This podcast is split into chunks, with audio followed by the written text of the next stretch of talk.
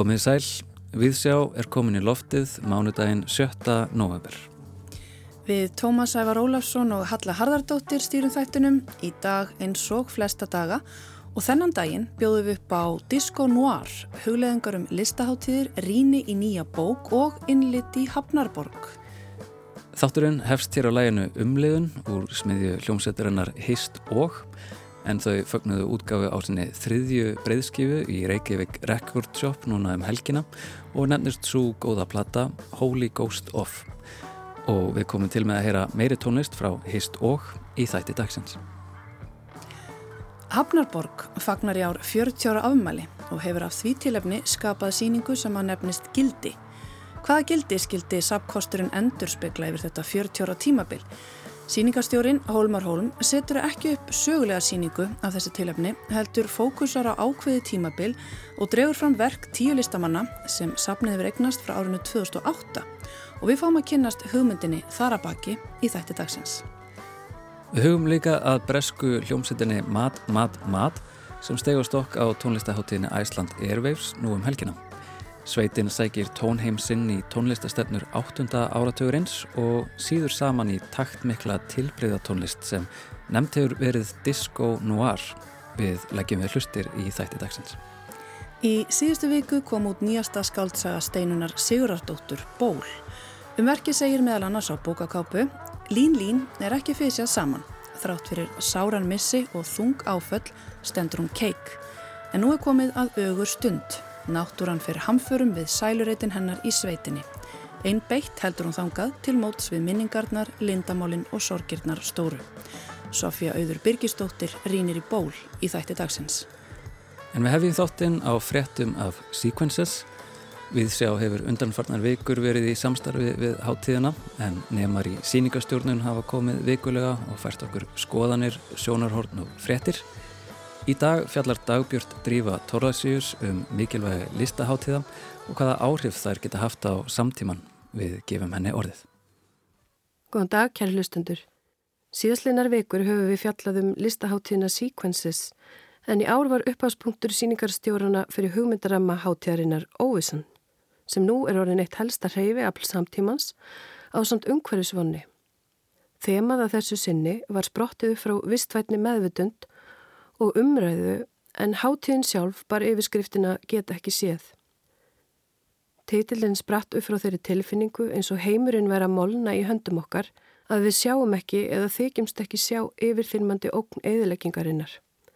Síkvensis hátíðin skapar rými fyrir ímyndunarafl og gefur okkur færi á að sjá lengra. Þá er verið að velta upp ólíkum leiðum til að sjá og upplifa heiminn upp á nýtt og fjarlast þau sjónarhort sem vegum að vennjast. Staðurinn fyrir listina er alltaf að breytast og listamenn tegja mörkin með því að skilgreina samhengi og taka inn ný sjónarhörn. Aðferðir samtímalistarinnar eru ekki lengur einungi staðsettar innan ráðandi listofnanna, heldur eru nýjir staðir og ný viðfangsefni sá útgangspunktur til að hugsa um í raunveruleikanum. Fyrir utan stopnanirnar verða tengingar við samfélagið aðrar og þannig verður við vittni að nýjum frásögnum. Af þessu má álíkta sem svo að listaháttíðir geta verið gott tæki til að vekja aðtikli á aðkallandi málefnum, koma fram skoðunum og lýsa yfir ákveðnu hugarfari. Sér í lægi ef háttíðin setur línurnar fyrir það sem koma skal á alþjóðlegum vettvangi. Listtengt verkefni á borð við listaháttíðir bjóðu upp á nýja insýn og aðra leiðir til félagslerar þáttöku. Háttíðahöld hljóta að hafa áhrif á gesti því það krefur þá um tíma, orgu og uppbrott í daglegu lífi þeirra. Með því að taka þátt í listaháttíð eða mæta á listaháttíð verður þáttakandin hluti af starra félagslegu og siðferðislegu samhengi. Sameinlu upplifin gerir einstaklingum kleift að tengjast og samsama sig umhverfinu og að tilhera í gegnum háttíðarýmið. Viðbröð okkar við því sem við skinnjum í sameinlegu rými hjálpa til við að mynda félagslegu og tilfinningarlega tengsl. Í því fælst að taka eftir því sem við sjáum, heyrum og finnum og það beinir okkur í að endurskoða hugmyndur um samfélagið. Á listaháttíðinni hafa verið sínt ný og staðbundin verk, eldri verk frá listamönnum og verk úr sapnegnum en það stuðlar að sjálfbæri nálgun sem reyðir sér ekki á stöðuga framleiðslu nýra verka. Þetta á einni við um listaverk í eigu sapna sem hafa sjaldan komið fyrir sjónir almennings eða einungis verið sínt í staðbundnu samhengi. Háttíðin endur speklar persónlega upplifun listamannana á samtíma sínum. Þarna sína listamenn lífs eða liðnir verk sín og það er áhugavert að sjá ólíkar nálganir þeirra. Auglust er að sín þeirra er ærið ólík eftir því á hvaða tíma verk þeirra eru unnin. Á síningum háttíðarinnar í ár vinna allir listamenn hver á sinn hátt út frá þáttum tengdum náttúrunni. Á því tíu daga tímabili sem listaháttíðin Sequences stendur yfir ítir hún undir tilfinningar um annað samfélag millir náttúru og manna. En náttúran á undir höggasækja og hefur ágangur á lífriki jarðar aldrei verið meiri og náttúran er auðvitað partur af rými okkar mannfólksins. Það er því mikil þörf á aukna meðvitund um áhrif mannsins á náttúruna. Þessu tengt hefur heimsbyggingurinn Joan Cummings skrifað um listaháttíðir og hvernig slíkar háttíðir í samtímanum geti gengt mikilvægur hlutverki sem vettvangur til að vekja almenning til veitundar og fræðslu um vist pólitísk málefni. Hún varpar fram spurningum um það hvort grænu skrefin hafi áhrif á það hvernig háttíðum er stjórnað og hvernig þær eru skipulagðar. Hvort orðræðan og frásagnir tengtar háttíðum að breytast í átt að sjálfbarni. Þá veldir hún því fyrir sér hvernig tekið sé á kröfum um sjálfbarni og hvernig það geti breytt tegundum háttíða í framtíðinni. Listaháttíðar yðnarinn verði að reyna að samræma viðskiptamódel og umhverfislega sjálfbarni. Verði að geta þjóna sem staður til að vekja máls á umhverfismálum og alheims vitund þar sem hópar koma saman. Skipulegjöndur háttíða gegnir því mikilvægur hlutverki í að stefna að sjálfbærari hátíðarháttum og verða að vera meðvitaður um að þrátt fyrir efnahagslegan og samfélagslegan ávinning verði oft mikil sóun og það fel í sér önnur neikvæð umhverfisáhrif. Vaksandi meðvitund getur því skapa tækifari til að endurmynda samfélag innan tiltekins umhverfis og orði til þess að hátíðin verði mikilvægur staður til að vekja aðtikli á þjóðfélagsmálum og skapa siðferði um aðgerðir og neystluvennjur fólks. Háttíðin felur auðvitað í sér ákveðna mótsögn í þessum hugmyndum um umhverfisvætni lífstíl í daglegu lífi en þrátt fyrir það eru listaháttíðir umbreytandi og miðla hugmyndum í gegnum listatafnir. Hvort sem listræn þáttökuverkefni á borfi listaháttíðir hefnast eða ekki er ávinningurinn alltaf einhver. Að vera hluti af því samfélagsrými sem hátíðin skapar er upplifin útaf fyrir sig. Listaháttíð skilja kjarnan eftir sér spór, lifa sem minning í hugum fólks, skilja eftir sig einhverja tilfinningu og geta þannig aukið vitund fólks á umhverju sínu. Við slíka upplifin eru tölverða líkur á að fólk finni hjá sér þörf til að leita upp í næstu háttíð fyrir samskonar upplifin. Örlittlu frægi er sáð sem getur vakið upp frumkvæði, þrá til samtals og framkvæmda meðal fólks almennt. Að skapa aðdráttarafl sem hvetur fólk til að upplifa aukna menningu hefur því mikla þýðingu fyrir samfélög þegar kemur að því að tengja saman fólk í samfélaginu. Þannig getur listahátti verið góð leið til þess að lifta samfélögum og íta undir félagslega þáttöku. Með réttum leiðum má stuðla því að fólk saminist í að sína slikum verkefnum áhuga og velvild. Þá geta skoðanaskipti mæst sem listin getur vakið og miðlað í samfélaginu á hverjum tíma. Til að takast á við óta og óvissu þarf stöðut að horfast í augvið það. Finna til þess nýtt rými til að skinja mörkin og umhyggju fyrir umhverfi sínu, vonina og endanum samfélagslega ábyrð. Á listaháttíðinni Sequences er gestum bóðin í ótalvítir hugans. Það snýst fyrst og fremst um skinnjun fólks, tilfinningar og samspil ímyndunarafls í upplifun af krafti og kyrð. Maður fær að upplifa eitthvað sem maður upplifir ekki í hversteginum. Þetta er óháðu staður sem ítir manni til umhugsunar.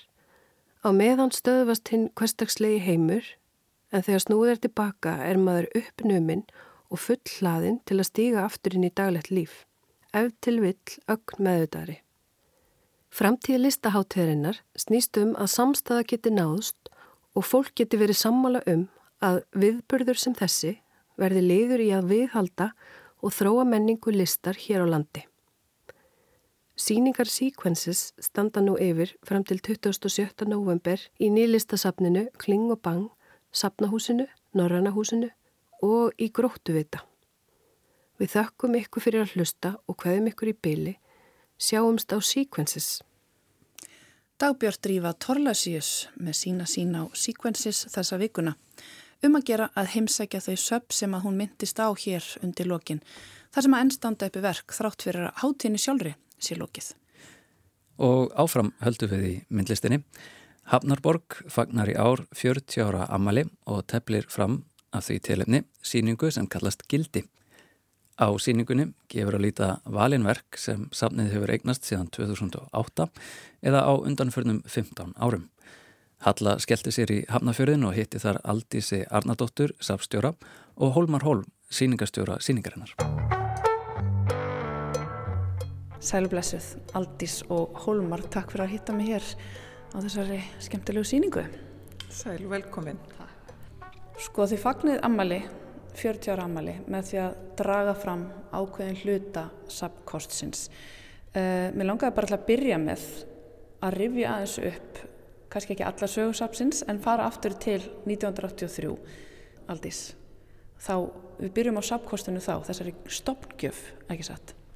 Já, við fengum sérstaklega í stoppgjöf eh, um það byrjum 200 verk sem að Ingi Björg Sigurjónsdóttir og Sverri, Sverri Magnússon gáfu Hafnarferðabæ, sérstaklega þegar þau uh, afhenda Hafnarferðabæ húsið og sína safning og þá er það verk sem þau höfðu safnað bara í geng tíðina og það hefur kannski, það er ágjörlega orða kannski hjá forvera mínum í, í starfi sem að kalla þetta svona uh, dæmum borgarlegan smekk sem að endur speiklaðist í safningnin og stoppgjöfinni mm -hmm. uh, sem að kemur þann inn. Mm -hmm. Sko talandum gildi, þú talar um já, að þessi stoppgjöf 1983 hafi kannski endur speklað gildi sem voru þá í samfélaginu sem var, eða þú talar um borgarlegan smekk. Mm -hmm. Hvernig myndur þú kannski, eða þú Holmar, taka þann bolta? Hver var borgarlegi smekkur í 1983? Það er kannski, já, hvernig hafa maður orðað það. Um, þetta eru visslega mikið að verka með eftir frumherja íslenskra myndlistar sem að e, eigum í stoppgjöfinni og mikið landslagsverk verk sem við vundum bara að segja eru falleg og mm. engin efast um það að þau eru mjög falleg. Og verk sem að kannski passa inn á heimili? Nákvæmlega, algjörlega. Þau eru mikil príði hvar sem er mm -hmm. þessi verk. En svo er sapkosturinn þróast yfir þessi 40 ár og sprengt þennan skala og ekki, þetta er ekki lengur verk sem eru bara kannski stofut príðin og borgarlegum heimilum, þetta eru útiverk, þetta eru allskinsverk af öllum starðum og gerðum, ekki satt aldís Jú, sapkosturinn er mjög fjölbreyttur og hefur þróast bara jamt og þétt á þessum 40 árum og alltaf verið að bæta í. En kannski hefur bara tekið mið af kannski tíðarandanum á hverju sinni og í upphafi var verið að bæti í stoppgjöfuna með því að listamenn voru að gefa verk sagt, þegar þeir voru að sína að, að þá skildu þeir eitthvað eftir í staðin mm. en núna er ferlið aðeins öðruvísi, núna hérna er innköpa nefndi að listra hafnaborgar sem að fer yfir verk sem að er bæði búin til eh, sem gjöf og eins það sem við erum að kaupa í safningnina. Mm -hmm. Þannig að við metum það hverju sinni hvað á erindi Einmitt. í safningin. Og, og setist þá niður þetta ráð og úr hversu miklu hafið að spila og hvaðan koma fjármönnurnir og hvernig gengur þetta fyrir sig? Já, við höfum uh, ekki kannski úr mjög miklu að spila. Við hérna, höfum 2 miljónur ári til að kaupa inn Þannig að þetta er oft mikill höfuverkur uh, hvernig ná að verja þessum fjármunum. En uh, við erum bara nokkuð ána með það sem hefur komið í safningnina á undanförnum árum og, og uh, reynum svolítið að horfa til síningastefnunar í safninu og velja þá verk sem að endur spekla hana og eins kannski verk sem að okkur finnst að vanta inn í safningnina og, og hérna kallar á eiginlega að, að kaupa en, mm en svo þetta kom að bóðum gafir líka sem að er mikilvægt fyrir okkur mm. Og þið segja ekki já við öllu, vandarlega? Nei, því miður er ekki ekkert að taka við öllu og það er bara ímsa hvaðir sem að fylgja því að taka verki í sapnegn og þú verður að hafa pláss og, og geta varvetta með viðunandi hætti mm -hmm. En hver er svona kjarni síningar stefnunar hér? Eh, kjarnin er kannski sá að uh, það hefur verið uh, stefnan undafarið að horfa svolítið um, til þeirra málefna sem brenna bara á í samtímanum í dag og það hefur kannski verið rauðið þegar áður en svolítið umhverfismál og síningar hafa verið uh, sem að falla undir það. Eins reynum við að horfa til bæjarins, yfirleitt með eina síningu ári sem er þá annarkort uh, verk sem tengjast hafnafyrði, er úr sapnegn eða, eða uh, listamenn tengjast hafnafyrði á einna annan hátt. Mm -hmm.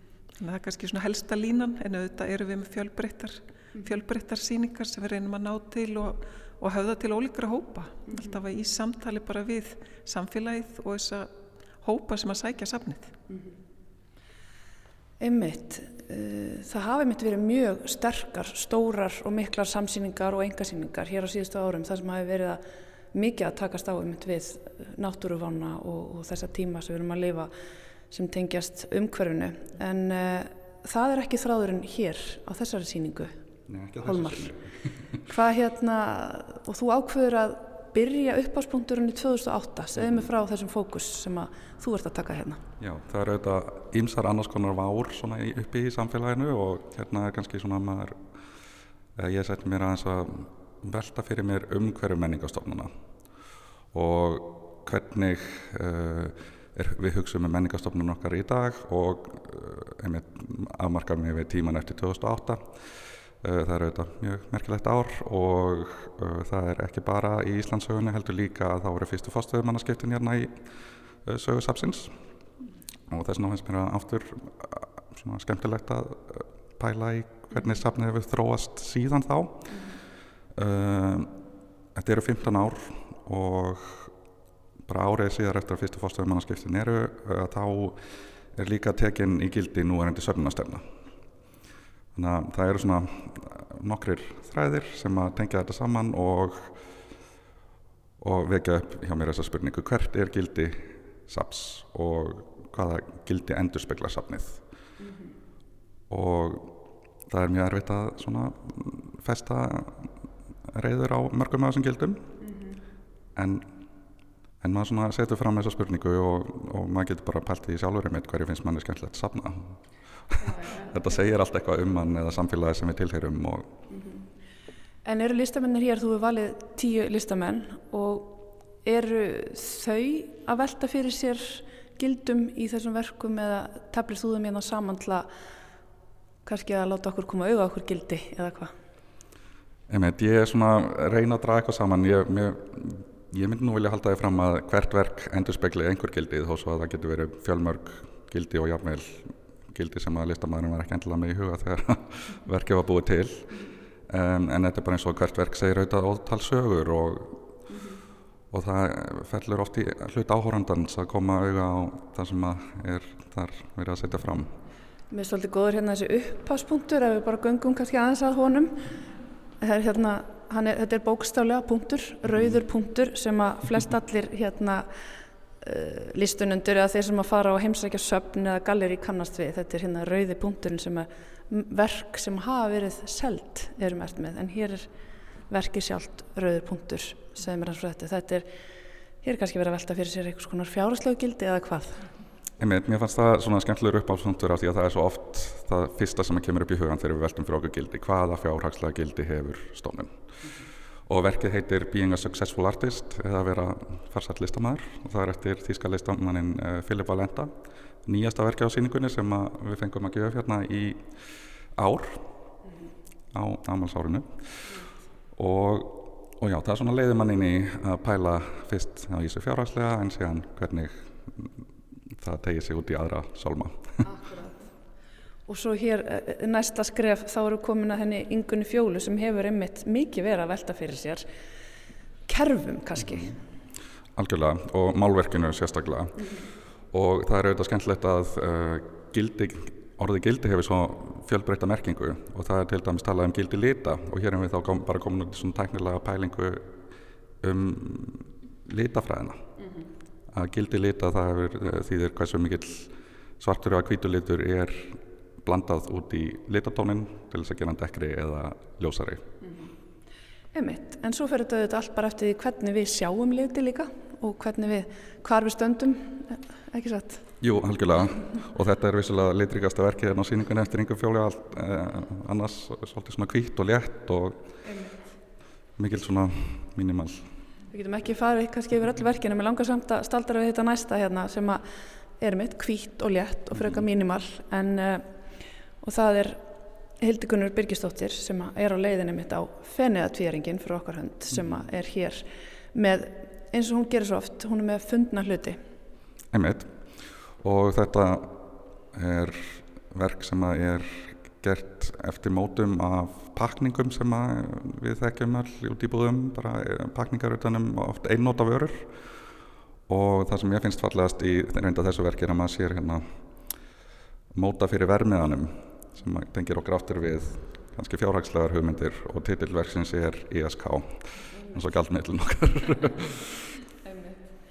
Sko ef við veltum aðeins fyrir okkur gildi áfram hér inni að því að þú búin að vera að kafa í sapningnum og ákveður að taka þennan fókus hérna 2008 þá verða einhverja vendingar hér á sapninu auðvitað verða brjálegaðslega vendingar í samfélagin okkar. Við hugsim 2008 og við hugsim bara hrun. Kom það eitthvað upp á hugaðinn hérna? Já, algjörlega. Það, við erum að svona kannski upplifa ákveðnar þrengingar núna sem að vekja upp hugræningartegislega fólki.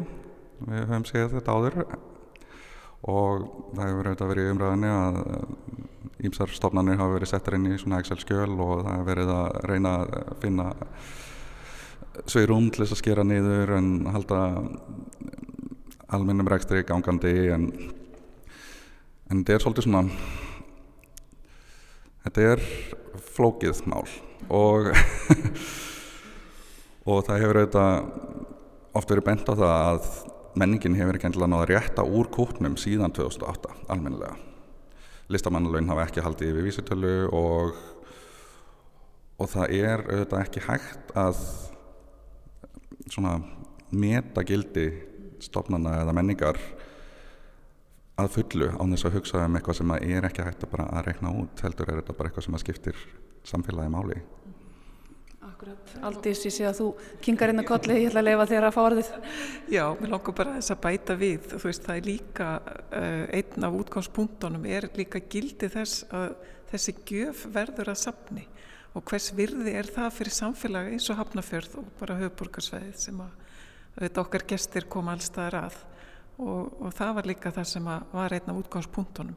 Mm -hmm. Hvaða gildi hefur það fyrir okkur einhver er það örlátur að gefa gefa samfélaginu tilbaka einhverja gjöf sem að vex og dafnar á 40 árum. Mm -hmm. En finnst ykkur svona taland um það uh, og þú talar um að söpnum og, listamennum sé þröngt skorinn stakkurinn uh, allir þetta hafi þá ekkert breyst á 40 árum eða hvað? Það fer auðvitað kannski svolítið eftir bara nákvæmlega hvaða stað það er við hér erum blæsumlega mjög lánsam hérna í Hafnafjörði að það er vel hugsað um okkur mm -hmm. en, en, en ef við hugsaum svona bara um viðþárin kannski í samfélaginu líka en með þetta er já, e, e, einn annar hluti sem er kannski erfitt að enda reyður á en mm. veikur spurningar já. En Hólmar, svona eftir að hafa grúskað í gildum og, og allir í safnegninni hér, hver er svona hvað er þér efst í huga svona í lok þessa viðtals? Mm -hmm. Það sem er mér svolítið huglegið er einmitt þetta samfélagslega gildi sem að stofnun hefur. Hún er mikilvæg fyrir fólkið hér og nú og svo skiptir hún auðvitað líka miklu máli fyrir komandi kynnslöður að við erum að varðveita hluti hérna að því að við teljum að þeir hafa eitthvað gildi fyrir uh, samtíman og fyrir framtíðina. Og, og þetta eru hugmyndir og hugssjónir sem að það fellur aldrei neitt á þessar hugmyndir og hugssjónir það er koma aftur og fólk mun sjá þessa hluti í nýju ljósi. Þessi verðmætti eru bara ómetanleg. Ómetanleg verðmætti, ég held að þessi bara frábær lokapunktur. Hólmar og Aldís, takk fyrir að ganga einn um síningunum með mér. Takk fyrir. Halla rætti þarna við þau Aldísi Arnadóttur, sapstjóra og Hólmar Hólm, síningastjóra síningarinnar Gildi sem fagnar 40 ára ammali Hamnaborgar og stendur yfir þar til í lók desember. Þá er komið að Sofju Auði Birgisdóttur. Hún var að lesa nýjastu skáldsögu steinunar Sigurardóttur, Ból. Ekkert endist, annað en sorgin og ofur ástinn.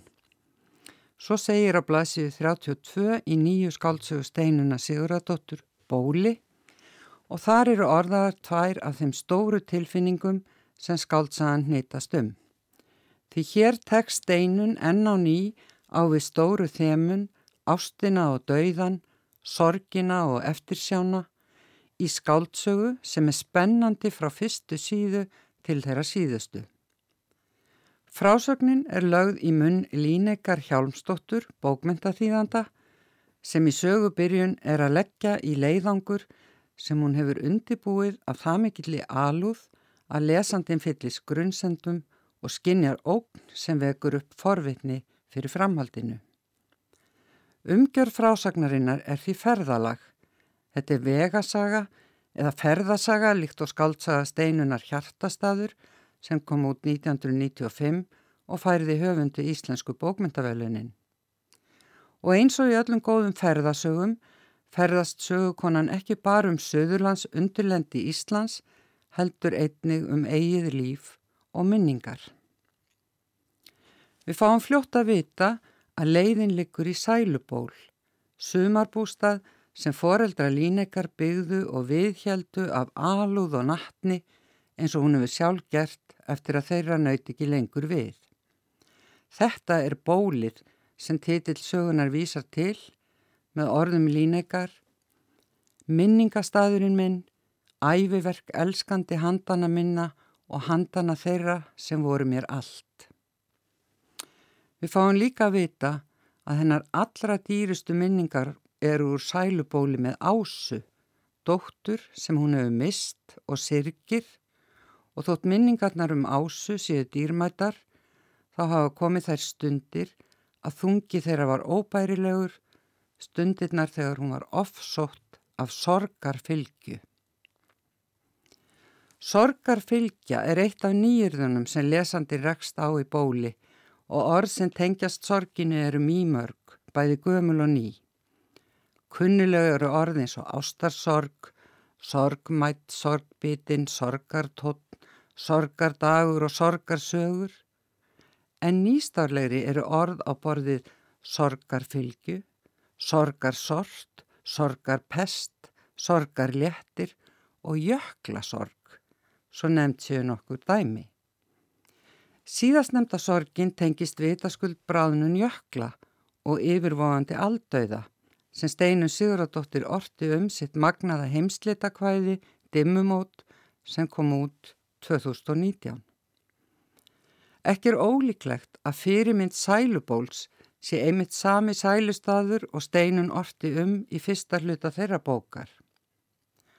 Bólið kvílir í nánd við lingbala við lurkalæk þar sem sögukona hefur setið í hraunbotla með bláklukku breyðu og nesti á pallinum með störu á vaksandi bláskógin, sólarlagsskó og kvíta gullvæng heimajökulsins, svo vísa sér beint í söguna. Engan skildi undra að höfundu fyrir flug þegar hún lýsi náttúrinni á minningastafnu besta. Undir lokbókarinnar er hún að kveðja bústaðinn og við lesum Passa að fara hringin til að aðtuga allt eins og á að vera þegar bústaður er yfirgefin.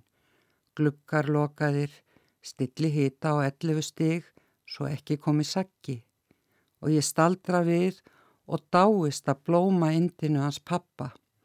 Klettafrú, kvönn, ljónslappa, gullbrá, skoða útsýnist dyrðina yfir sólalagskógin sem trónir upp í vestri eins og fyrirheiti land til hliðar við jökulinn minn heitt elskaða.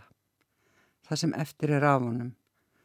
Jöklasorgin grýpur mig Jável núna grýpur hún mig og að það skuli geta gerst að við tortímum heimsins kvíta heimna ljósi. Hversu óhugsandi að heimajökullin minn, okkar pappa, mömmu, ásu, muni aðeins lifa mig um hundrað ár eða svo, fara stöðut rakandi, tærast upp eins og sjúklingur með bergla, með krabba megin. Að svanavængurinn okkar felli kvíta fjöður eftir fjöður og verði að lokum rúin inn úr alla leið að kolsvörtum dauða ham. Líkt og í dimmumótum vofa hér líka yfir viss heimslit því ófétis hrúaldið bálkur hefur rumskað og tekið til sinna tortímingar á það. Það er eldgós sem ógnar bólinu með sígrænu, löftrjám, blómstjörnum, hleðslum, húsum, stígum, bogabrú yfir læk ekkert verið sketta komið í vekk fyrir að staðurinn fari undir hraun. Lýsingar steinunar á eldgósum er ekki lýsingar á túristagósum og fegurð, þvert á móti. Það er eyðingamátturinn í helvítis helvítinu sem spýr úr sér voðagusum sem við lesum um í bóli. Hér kemur tilvitnum sem ber vittni um þau mestaratök sem Steinu Siguradóttir hefur á náttúrulýsingum og hvernig dregnar eru bæði fagrar og ófagrar hliðar náttúrunnar. Í hverju einustu bílferð sakna ég þess að hafa korki pappan í mömmu með mér til að lesa landið. Þau fundu endalust nýja vinkla á gamalkunnugri hlýð, smáfossum og því sem stærra var, fjöll og jökull. Byrtan var eina sérgreinum þeirra Þau sáu landið síbreytilegt, alltaf í nýju ljósi og heitluðust meira segja á alls konar þóku. Dalalæðu, þókuslæðingi, láþókublettum. Hvað hefðu þessar elskur sagt um kvöldlandið og undrabyrtuna á minni leið? Form furðulegi drættirnir, djúft skornir og ofur skýrir. Landslag yfirskilvillægra mótsagna romantist en þó mótaða ósköpum, jarskjaldum, eldgósum, ógnar land þar sem hvert fell og hver hóll er til alls vís, þar sem hraunin breyða storkandi úr sér til áminningar og viðvörunar um að þau geti hvena sem er haldi áfram að forpesta íslenska tilveru og leggja undir sér land með óstöðandi eyðingarmættinum. Pappi og mamma kentu mér ekki bara að lesa romantíska landið og ógnarlandið, heldur líka eigðilandið. Þannig ber ég kennsla á helsærðan svörð, eigðingarlitin moldbrúna sem svo margir eru blindir á. Frásögnin að ferðalagi sögukonu til sælubóls og hættinu sem bólinu stafar að rennandi rauninu er aðeins eitt lag þessara marglaga skaldsögu.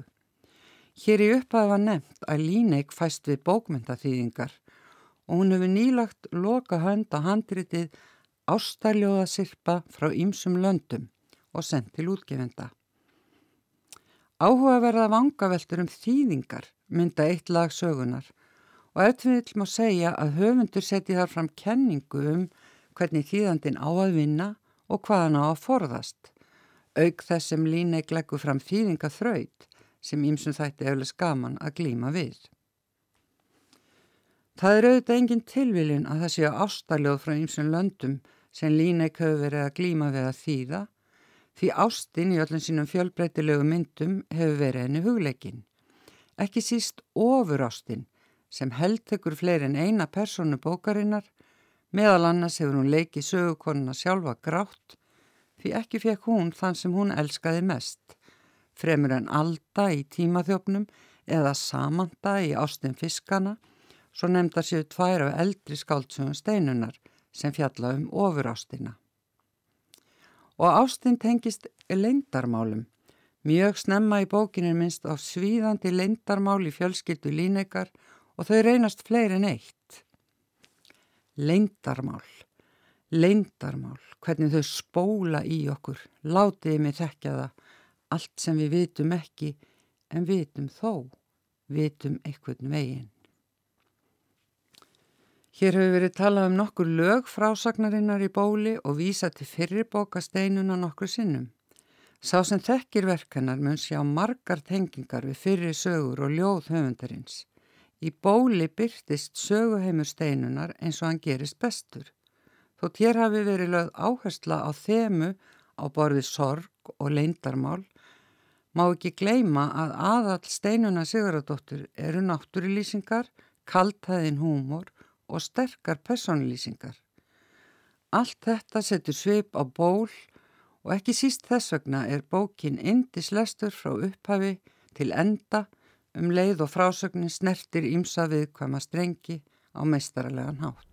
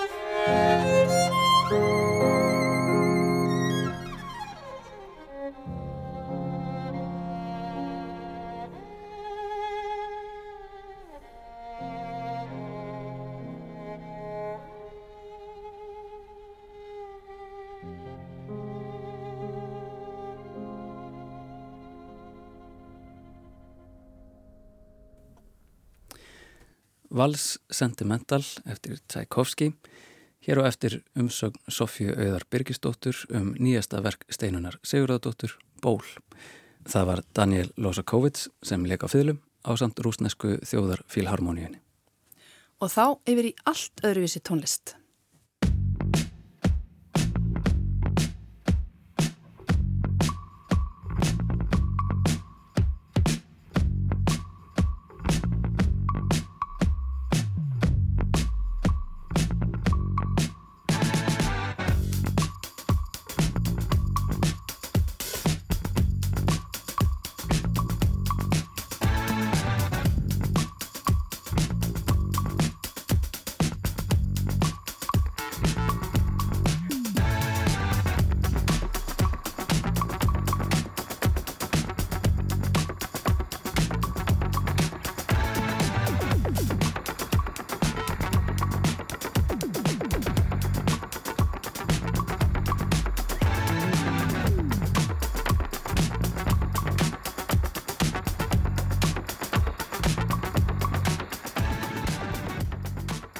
Hverri Æsland Airwaves hátíð virðist sama augnablikið endur taka sig. Tími óvissunar. Þessi litli gluggi í dasgráni sem kemur aftanamanni. Gloppan í eigin rannsóknuvinnu kemur í ljós. Allt í einu er heill klukkutími af tónleikum í bóði með tónlistafólki sem maður er ekki búin að kynna sér. Tækifæri afhjúpar sig, tækifæri til að ráfa, að rölda, að ramba á eitthvað nýtt. Elda eirað, óminn sem berst í gegnum veggi tónleikastæðana, finna eitthvað, eitthvað nýtt. En þetta er líka hættulegt augnablík. Því það getur alltaf komið fyrir að við göngum beint í flasið á eitthvað sem við fýlum alls ekki. Að við römpum á eitthvað óspennandi, á eitthvað leiðilegt, eða alveg skelvilegt. Slikt er samt ekki algengt á tjöðri hátíð og var það ekki upp á teiningnum á laugataskvöld þegar þetta augnablik heldist yfir mig. Ég stóð óupplýstur í rýmkaldri stillunni og virti fyrir mér röðina og tónleika Dada Freys í Hafnarhúsinu röð sem tegði sig með fram tryggvagötu langleðina að bæjarins bestu og hugsaði Nei takk, ég ætla ekki að frjósa í hel fyrir utan tóllúsið. Í staðin tók ég áhættuna á ykkur öðrum, ykkur sem ég var ekki búin að kynna mér. Í staðin fór ég í afar stuttaröð fyrir utan gaug á stöng til að sjá hljómsveitina Mat, Mat, Mat. Hálfvegis vegna þessa geggjaða hljómsveitanams, hálfvegis til að hlýja mér. Það sem tók á móti mér hins vegar var sinn eigin litli heimur.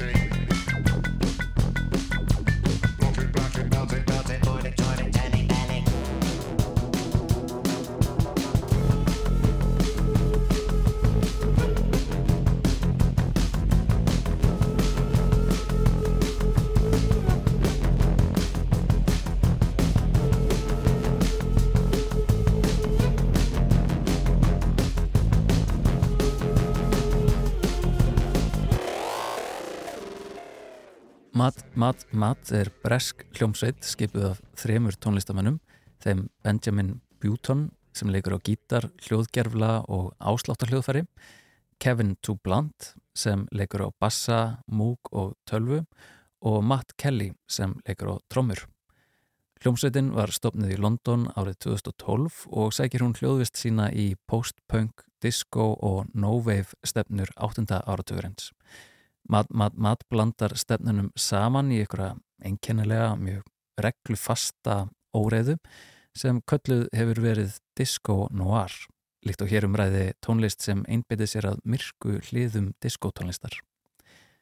Hljómsveitin Mat Mat Mat heldur úti að var skemmtilegri heimasíðu matmatmatmusic.com síðu sem minnir óneitilega á hljómsveitavefsuður frá tíunda áratögnum hugsið jæðartónlistastefnu fagufræði pluss einfaldur teksti og gæðalitlar reyfimyndir og þar fram eftir guttunum. En inn á síðunni halda meðlumir einnig úti myndlistar VF-tímaritinu Strange Things Are Coming. Í ritinu byrta þeir klippimyndir, tekstaverk og ljóð, allt frá pappalegu orðagríni sem brítur orðið silikón niður í silikón til pólitískra verka til að mynda yfirstreikar blaðsugur úr Brexit ræðu Teresu May þar sem tekstinn sem haldið er eftir mælir skýrt og greinilega gegn Brexit. Og eins og heyrist kannski, þá er þetta ekki alveg tónlistin sem við heyrum oft hér í Víðsjá en á sama tíma fannst mér þetta eiginlega víðsjárlegasta band sem að ég sá á hátíðinni Æsland Airwaves í ár.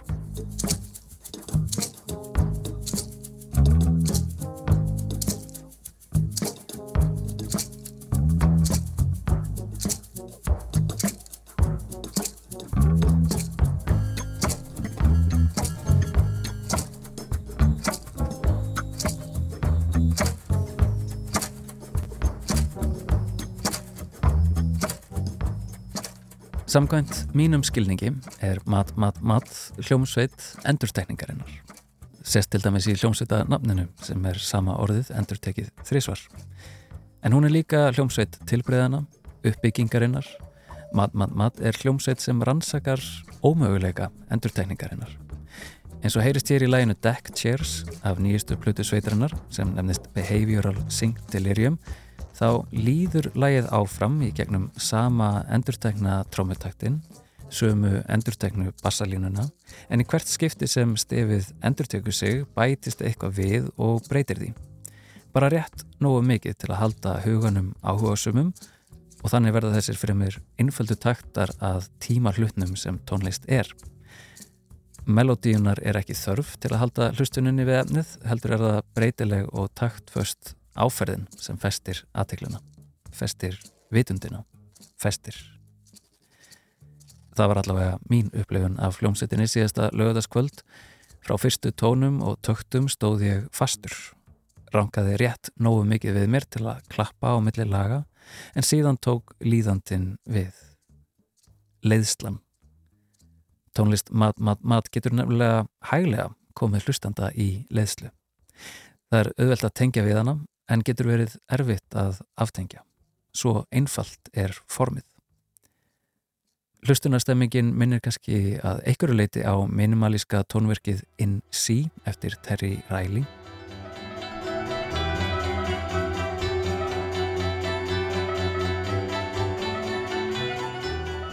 Einnig mætti nefna verka á borð við India úr smiðju Johns Coltrane's.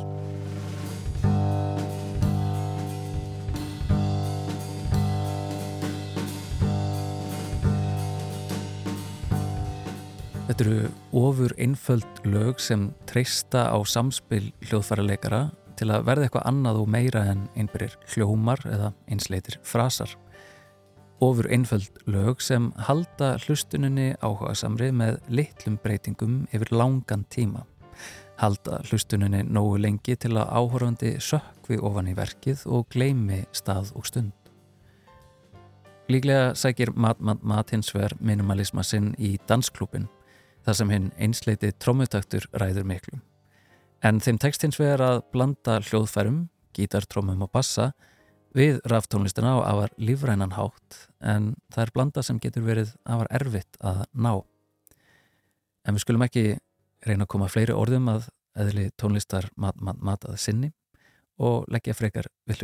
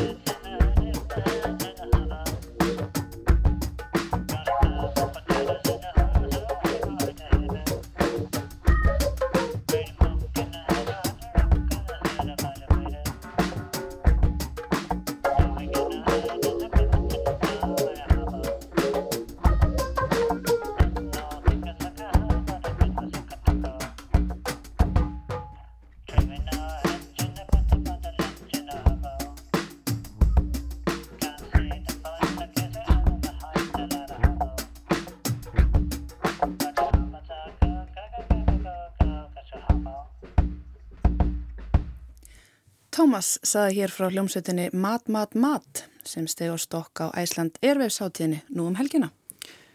En þá er komið að lókum þáttar í dag við endumann eins og við hófumann. Hljómsveitin Hist og leikur hér lokalag þáttar, vanskil. Takk fyrir að hlusta og verið sæl. Verið sæl.